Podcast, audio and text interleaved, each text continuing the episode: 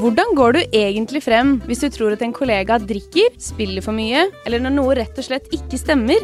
I denne podkasten tar vi opp temaer som av mange oppleves utfordrende å snakke om, og hvordan du går frem for å gjøre noe med det. Over 800 000 mennesker er pårørende til noen som sliter i Norge. Det kan være for en eh, mamma med kreft, en sønn med alkoholproblemer eller en samboer med depresjon. En ny rapport fra sommeren 2022 viser at eh, pårørende forskjellsbehandles i arbeidslivet.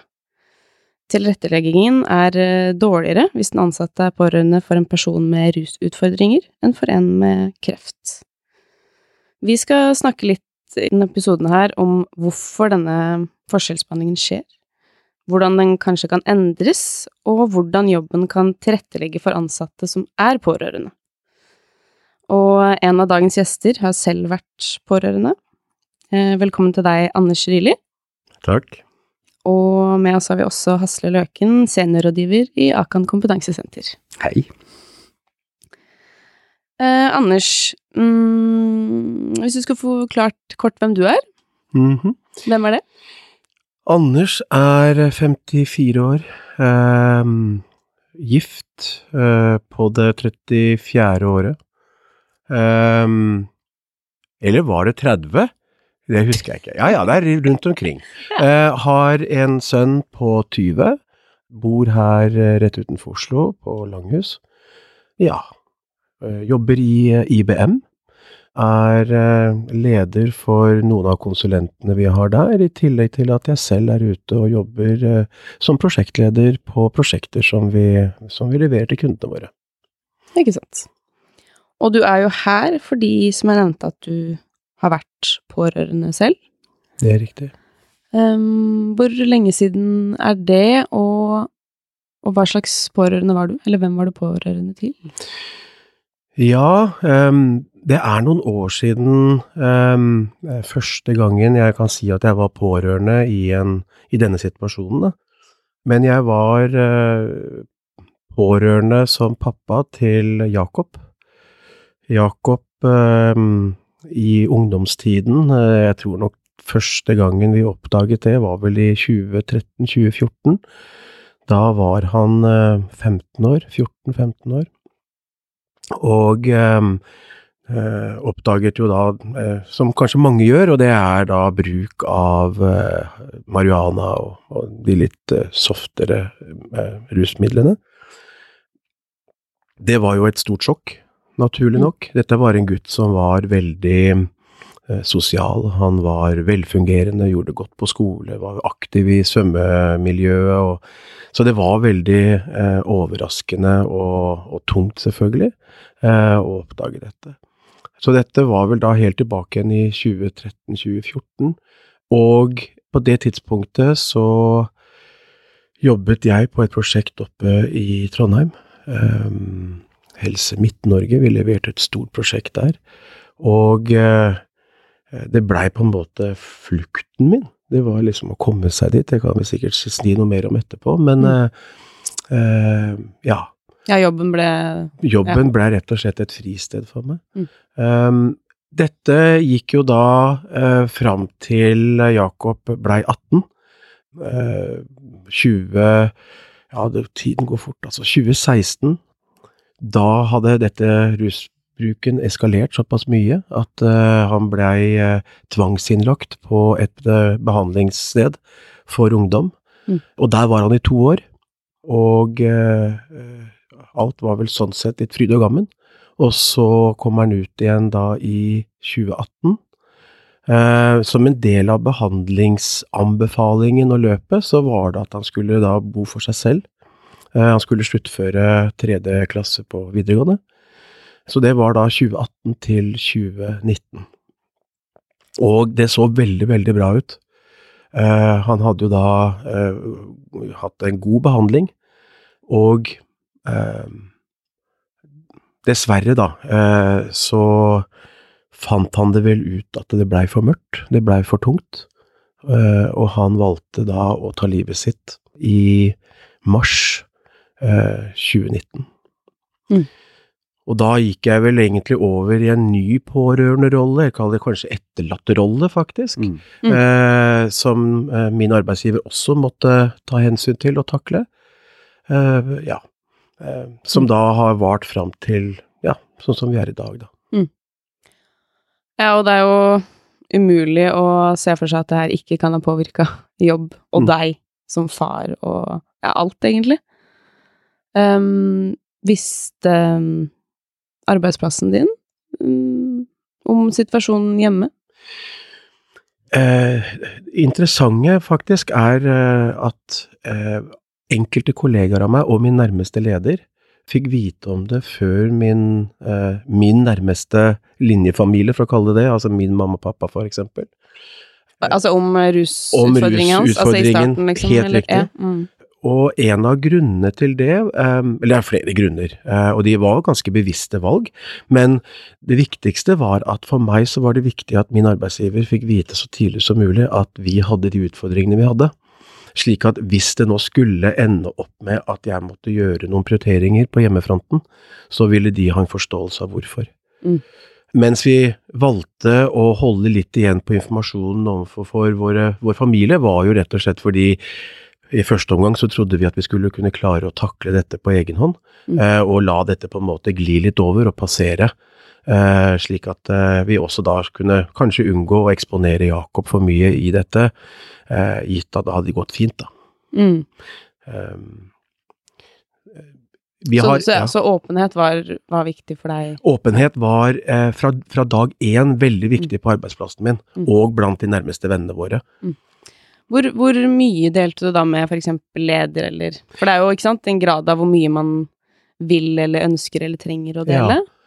Jeg, eh, altså, jeg, jeg for, for, ja, for, både jeg og min kone, vi delte egentlig det som var nødvendig å dele, eh, og det var egentlig alt. Ja. Eh, på det tidspunktet så var det jo ikke, som sagt, kanskje så mye, men samtidig som at det kom så overraskende, så var det altoppslukende, og da var det vel også sånn når han drev med det, så var det omtrent døden nær, ikke sant? Eh, fordi man ikke tenkte noe særlig klarere enn det.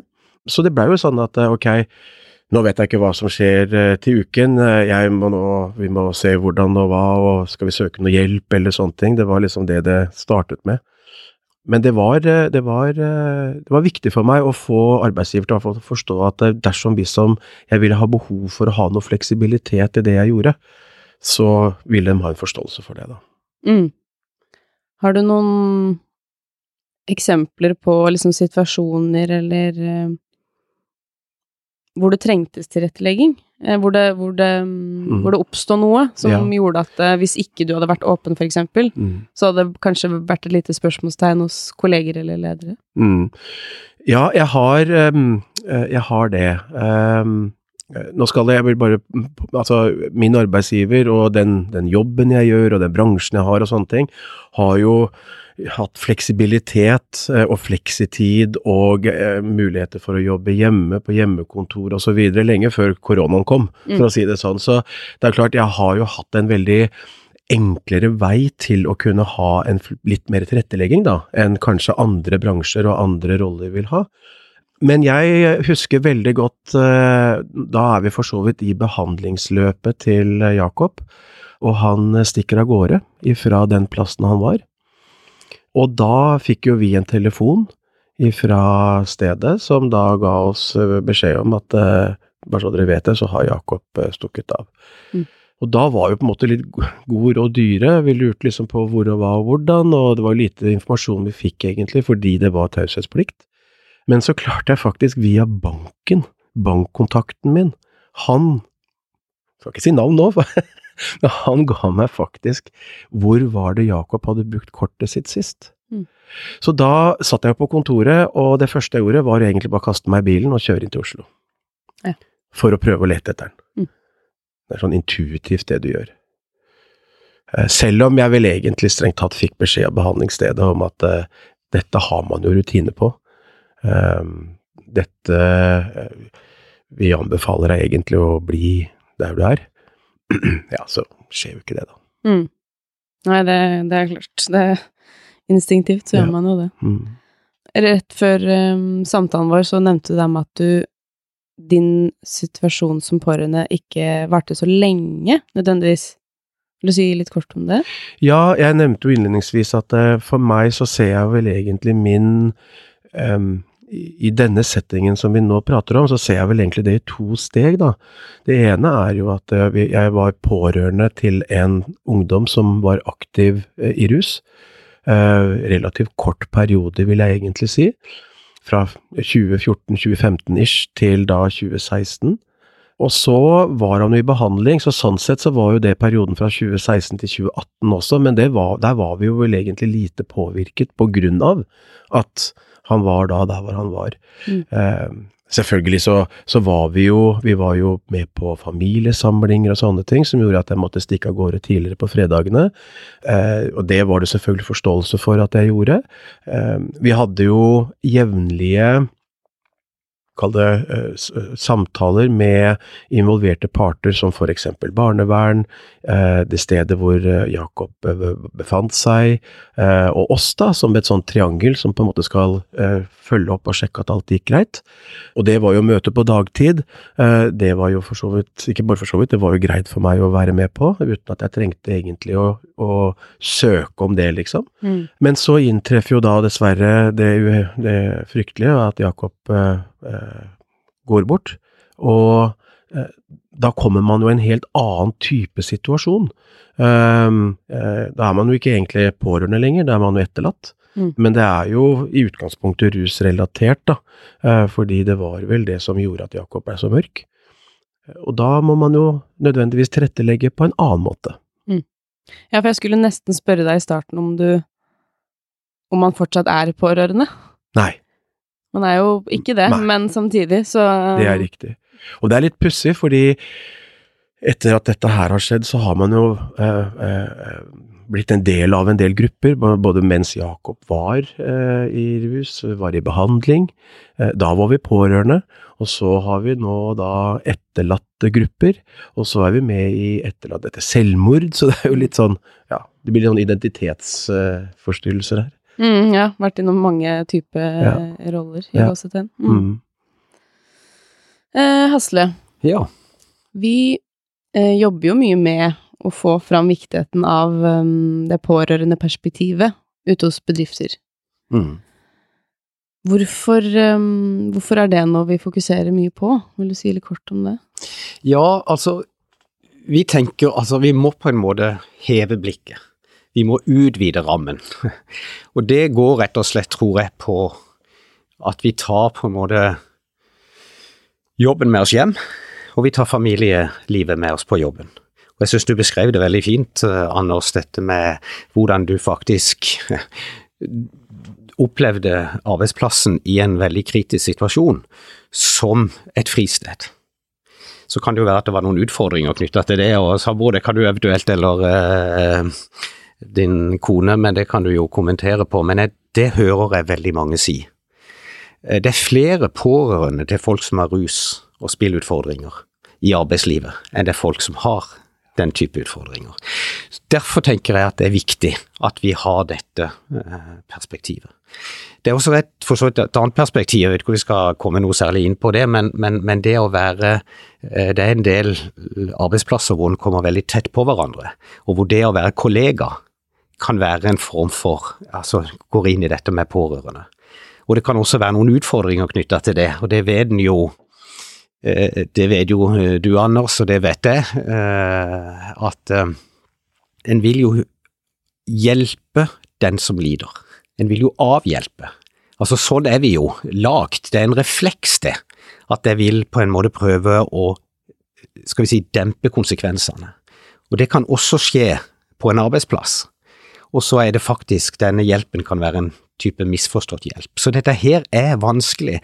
Og du var inne på dette at det var, eh, og det er jo ofte tabubelagt. Både for den pårørende og for den andre. Det kan eh, være noe sånt som at en ikke ønsker å oute den personen. Det kan eh, være en frykt for konsekvensene det vil få. Og, og derfor så tenker jeg at at arbeidslivet har en, en, holdning og en bevissthet om dette, tror jeg er veldig viktig. Sitter du rundt lunsjbordet, så kan vi prate om det meste i dag. Mors inkontinens, for den saks skyld, eller Alzheimer. Når de andre da forteller om eh, sønnen sin som er på utveksling, eller eh, dattera som går på NTNU, da er det ikke så veldig kult å fortelle at mitt barn er i behandling. Det er mange som tror at behandlingssteder er en folkehøyskole. det er det det blitt presentert som. Eller hvis den også er i et aktivt misbruk.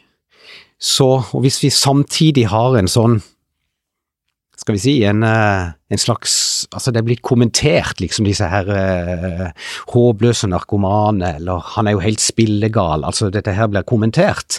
Da krymper det.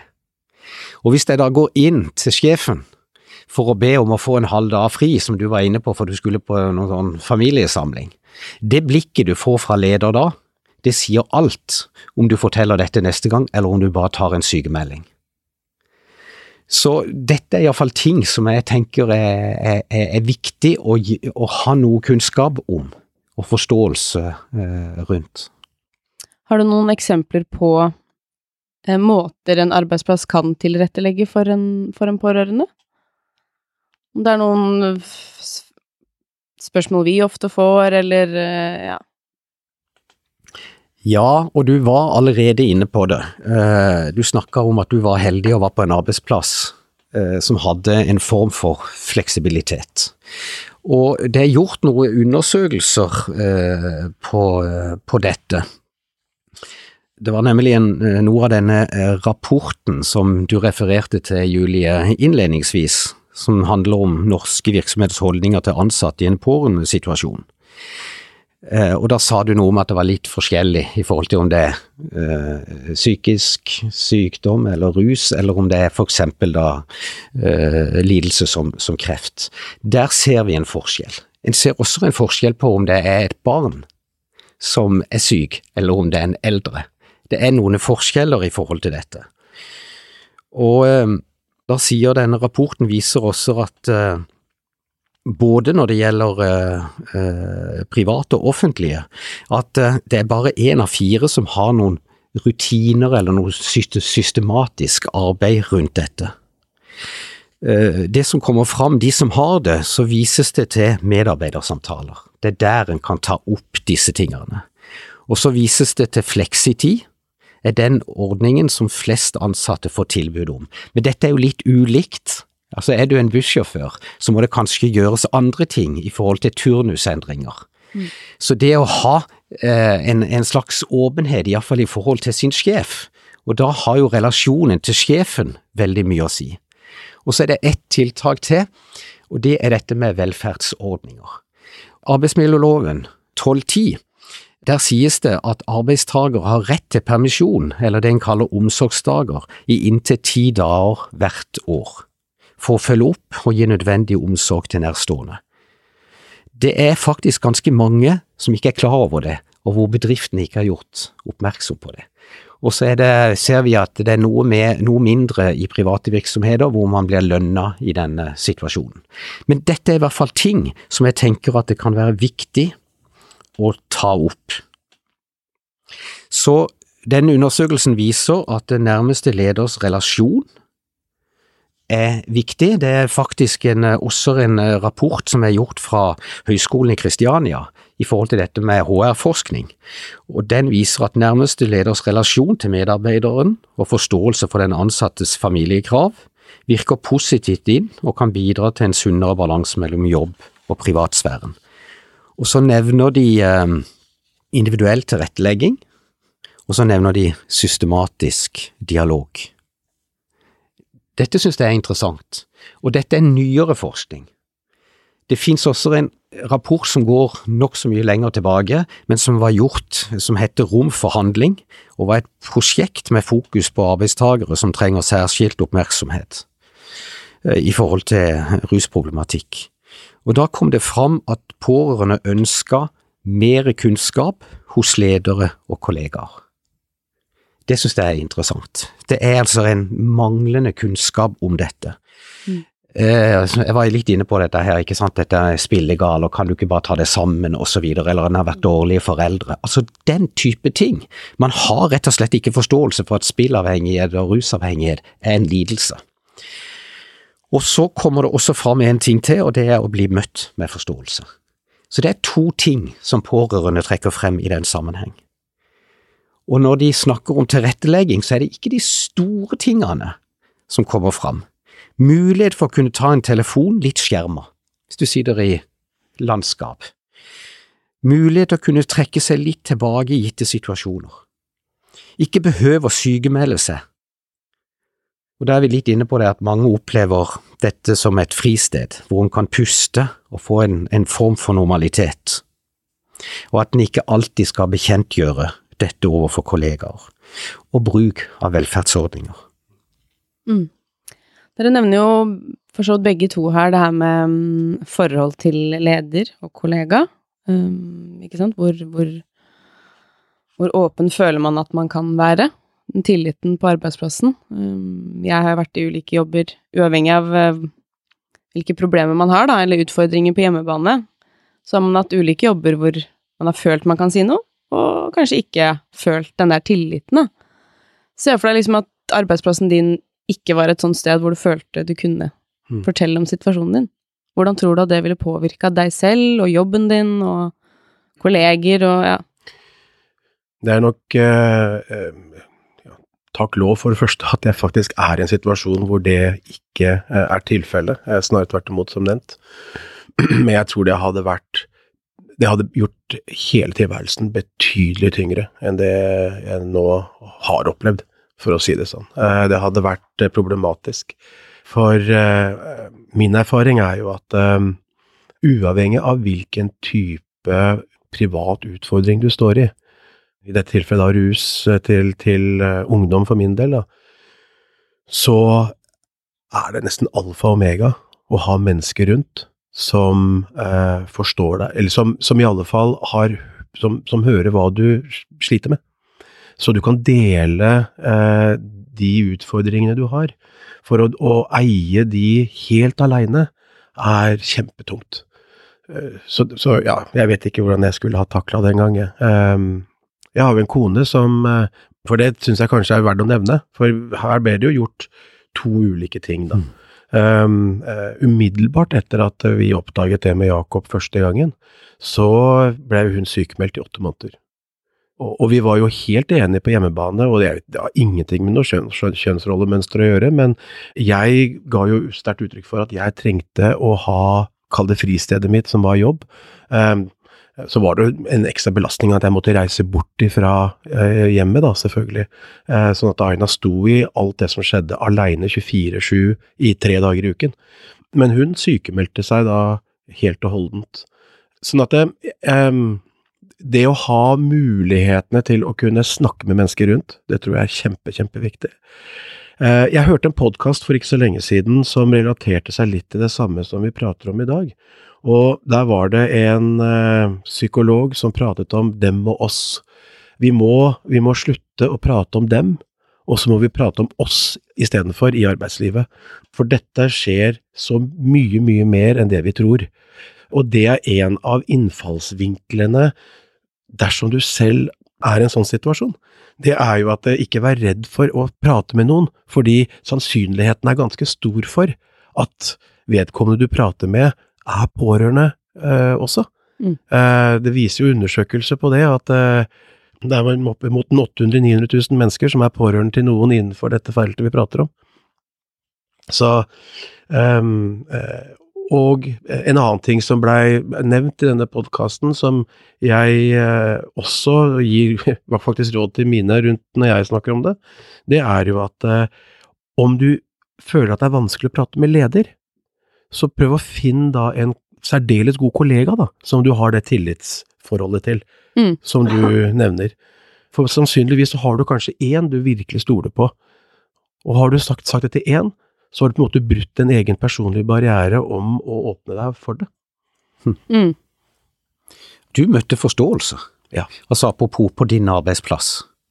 For, eh, for det er jo ofte knytta skam mm. Til dette. Hvordan, hvordan var forholdet til kollegaer? Eh, ja. Kollegaene mine reagerte nok på en måte vel så mye med sjokk som jeg gjorde første gangen jeg oppdaget det med Jakob. Eh, også fordi at eh, de ja, vi er vel som mange, da, at vi fremstår som vellykka og veldig bra og alt gikk så fint. Og jeg har jo delt med dem hvordan det gikk med svømminga og skole, og han skulle studere sånn og gjøre sånn. Så det er klart at når de da opplever at dette skjer hos oss, så, så oppleves det jo som en Men det er jo overraskende hvor mange som sier til meg at ja, vet du hva, jeg kjenner igjen. Ja, det var en nabo. Mm. Eh, mm. Eller jeg har en fetter, eller jeg er onkel til, eller altså mm. Uh, ja. Ja, det er det. Det er jo så mye vanligere enn man tror, men fordi det snakkes så lite høyt ja. om, så Men så dukker det opp noen sånne åpne rom, da. Nettopp. Når det er en som deler litt, og så deler noen andre. Nettopp. Denne um, rapporten som ble nevnt her, med litt sånn type forskjellsbehandling på liksom hvem man er pårørende for, at den kanskje er liksom lavere tilrettelegging og kanskje forståelse hvis det handler om rusutfordringer eller psykisk helse. Eh, hvilke tanker har du om det? Umiddelbart så tenker jeg at eh, dessverre er jo det er det korrekt, det, det den rapporten viser. Eh, og så er det veldig synd. Eh, og så er det på vel en måte ikke unaturlig at det er sånn, nettopp fordi at vi, vi har levd så mange, mange år med alle disse sykdommene. Eh, fysiske sykdommene, på en måte, mens det med helse, psykisk helse og rus og slike ting, det har jo da vært like lenge tabubelagt. Og derfor tar det tid å få dette her litt oppe. Og jeg kan jo snakke for min egen arbeidsplass. Eh, eh, vi har nok dette er et amerikansk selskap eh, på sitt eh, absolutt beste, og på enkelte ting som kanskje er på det verste. Eh, og noe av dette her er jo da eh, mye sånn prosessstyrt, og det er regelstyrt, og det er håndbøker for ditten og håndbøker for datten. Så når vi har sykdom eller andre ting, så, så er det lett for at alt eksemplifiseres gjennom kreft eller mm. Eh, altså du brekker noe, eller Altså, mm. det er veldig sånn fysisk eh, sagt, da. Mm når vi går lederskurs og skal liksom ta de vanskelige samtalene osv., så, videre, så er alt relatert til det. Lite eksemplifisert og lite snakket om i forhold til den psykiske helsedelen, da. Mm. Og det andre er vel at uh, pårørendeelementet burde vært mer, mer eh, fokusert på enn det det er. Mm. Generelt sett. Det er ofte den ansatte sin egen helse, og ikke nødvendigvis som pårørende. Mm. Så er jo det store spørsmålet hvordan man kanskje kan endre på det her, da. Du er jo kanskje litt inne på det med å eksempel ha eksempler som viser noe annet enn bare mm. fysisk sykdom. Har du noen andre tanker om hvordan, ja, liksom, hvordan man kan endre på det her? Ja, det skal For det første så, så, så um, det, må, det, må, være Eh, og det, det, jeg ser nå, faktisk, er heldigvis Det ser jeg store endringer på, ikke bare hos min egen arbeidsplass, men også hos andre, altså venner sine organisasjoner. Det er jo at eh, det er en invitasjon til større åpenhet. Til eh, dette med inclusion og diversification og, og, slike ting. Hvor det skal være åpent. Eh, arbeidsmiljøet skal favne om forskjellene og ulikhetene. Og hvis du da klarer å skape en kultur rundt det, så vil du også kunne klare å få det eh, embedda i lederskapet. Um, og når lederskapet tar det til seg, så vil det også inviteres til, og da prater du om dette rommet, som er jo så viktig, da inviterer du til et rom hvor det skal være lov til å ta opp vanskelige ting, om det gjelder deg selv eller noen du er pårørende for. Mm. Gjør du deg noen tanker om, hvordan vi kan få endre på det her? Ja, så jeg tror jo at uh, nettopp det at, uh, at du kommer her og sier noe om dette Altså, jeg tror jo at vi har en sånn slogan hos oss, det kan fort bli en klisjé, men at uh, gevinsten ligger i åpenheten. Og så er det alltid en begrensning om hvor, eller en balansegang hvor åpen den skal være. Men jeg synes det er godt å høre eh, at eh, vi har eksempler nå på to arbeidsplasser som er imøtekommende. Dere valgte litt ulike strategier i denne situasjonen. Eh, men det å, å, ha, å kunne være, eh, bli møtt med forståelse. Og hvis den da, men må, noen må kanskje våge å gjøre det du gjør, for at vi skal kunne skape den forståelsen. Og jeg vet jo at du har engasjert deg, du nevnte litt det i sånn selvhjelpsgruppesammenheng. Eh, jeg vet at du har vært medforfatter til ei, ei bok, kunne kanskje si noe om, men det, det er sånne ting som jeg tenker er så utrolig viktig, for dette tar tid. Det tar tid å endre eh, holdninger, og kultur det er ikke noe vi kan vedta. Det er noe som skjer. Eh, så jeg tenker det er, er utrolig viktig. Og det er jo så viktig at vi har dette perspektivet oppe, så ikke vi lager to pasienter av én diagnose. Så det er vel liksom det eh, jeg tenker. Jeg var inne på noen av disse, disse eh, Det behøver ikke å være de radikale tingene, men at det ligger noen føringer på at man skal ha dette med systematisk dialog. At medarbeidersamtaler kan være noe med å, å våge å snakke om, om, disse tingene. Vi prøver jo å alminneliggjøre det i arbeidslivet for øvrig, i forhold til å ta opp eh, ja, altså det, det å, å, gjøre dette med utfordringer, det kan være en type problematisk bruk, det behøver ikke være dramatisk på, på denne måten, men at, eh, at, vi kan snakke om det, hvordan vi vil ha, være sammen når vi er på julebordet. Altså de tingene der, dette er sjenant. Vi syns det er vanskelig, for bare vi nevner dette, så øh, føler vi at vi stigmatiserer. Og så livredd for å ta feil.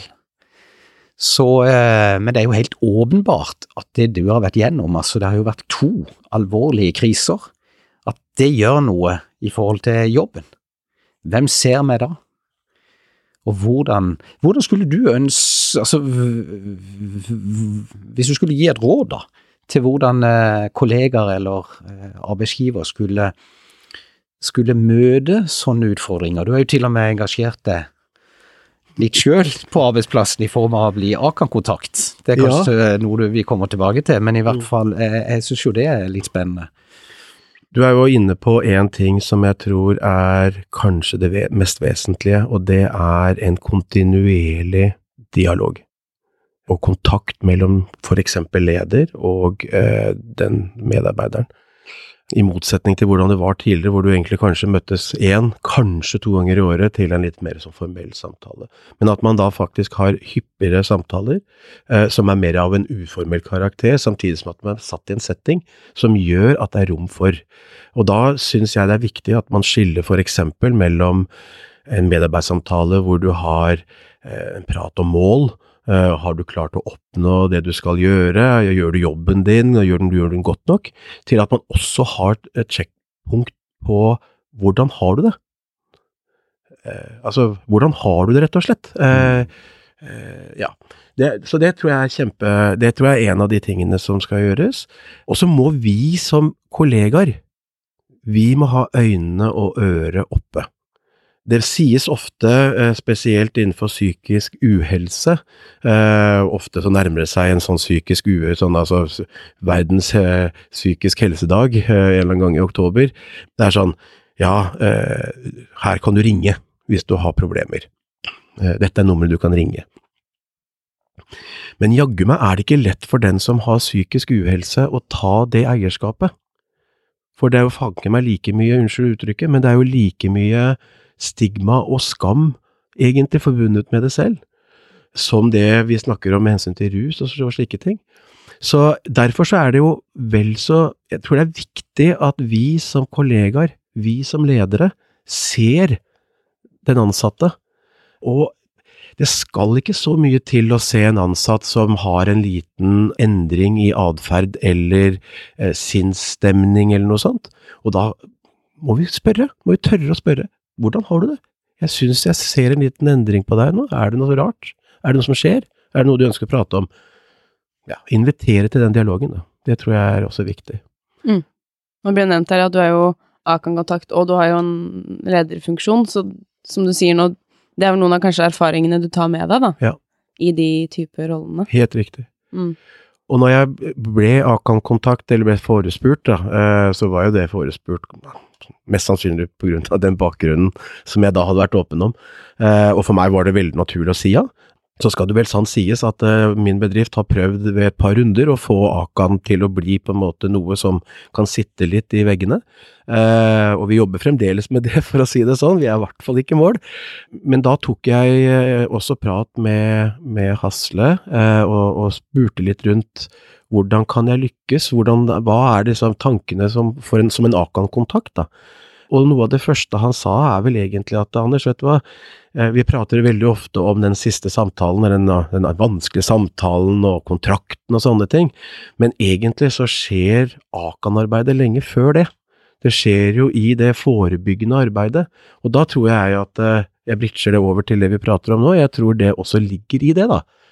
Har du et godt forebyggende arbeid omkring det med rus på arbeidsplassen, eller rus eh, blant de ansatte, så vil det være også lettere å få til den pårørende forståelsen, tror mm. jeg. Det, det, det, tror, det, tror, jeg òg, og jeg syns det er så interessant det du sier med at en bryr seg, at det å bry seg er å bry seg om, på et vis. Og, og hvis jeg vil vedkommende vel, så tror jeg ikke jeg kan gjøre så mye gærent. Eh, det var faktisk en, eh, en HR-direktør i ja, siden jeg ikke er helt sikker på virksomheten, så behøver jeg ikke å nevne den, jeg kan komme til å si feil.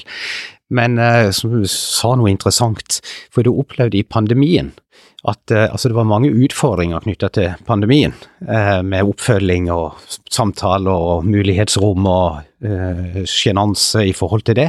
Men en del ledere var faktisk blitt litt flinkere til å spørre åssen har du det egentlig?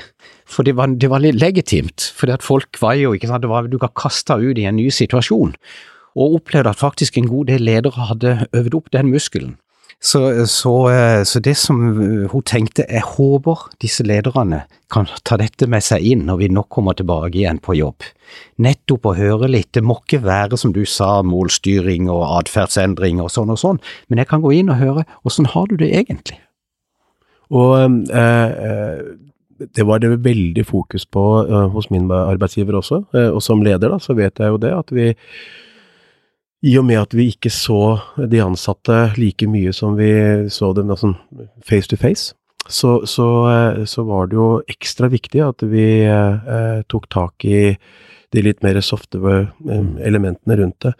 Det ble jo da også satt opp muligheter for at eh, man kunne ringe inn til en eh, psykologtjeneste, og den eksisterer fremdeles for oss. Og jeg opplever at hos oss i hvert fall så har dette her vært noe som på en måte har endret kanskje litt av hvordan vi som ledere skal tenke. Men igjen, jeg ønsker å påpeke at Én ting er ledere, og at man setter ting i system, uh, og det skal være på en måte noe rundt det, og, og, og absolutt. Men så tror jeg også da at uh, den enkelte kollega, venn, eller hva det nå skulle være vi kan kalle det, må være på banen og også følge med. Mm. Det er ofte de man ja, ser oftest og er, snakker med, kjenner kanskje litt bedre. Nettopp. Så ja. merker man en endring. Mm. Så ja, ikke sant, som du nevnte i stad, det er jo spørre litt um, om hva det handler om. Mm. Så får man kanskje et svar 'det går fint', mm. men kanskje neste gang igjen så får man at det kanskje ikke går så fint likevel. Ja, så det å bli, bli, sett, det lir vi jo. Og så er det jo noe vi er jo litt forskjellige. Noen er jo litt mer distansert, så får en jo på en måte ha den finfølinga. Men, mm. men, det å stille spørsmålet Og så det var det, du også sa, når du er i en type krise eller når ting er, er, er vanskelig, så, så, er det vanskelig kanskje, selv om ja, døra mi er alltid åpen. det gylne øyeblikk, det, det, kommer ikke. Det må du ta litt. Grann. Så det å faktisk være litt proaktiv, tror jeg kan være ganske ja. nyttig. Tenker du, Anders, at du er du har jo liksom en dobbeltrolle her. Det er jo interessant både som Akan-kontakt og litt og har noe personalansvar i forhold, eller iallfall i forhold til noen. Hvordan tror du kollegaene dine tenker om, om det som en, en, som en leder eller Akan-kontakt? Ja, um Først må jeg vel egentlig kanskje bare nevne at uh, i min, min rolle, og, og, kanskje min bransje generelt sett, så, så er det jo slik at uh, den derre gode, gamle avdelingen som satt sammen, uh, hvor vi hadde avdelingsmøte alle sammen hver mandag morgen, den er jo liksom ikke gjeldende lenger. Eh, de som jeg er leder for, de sitter jo rundt omkring spredt eh, på de ulike prosjektene som de jobber på.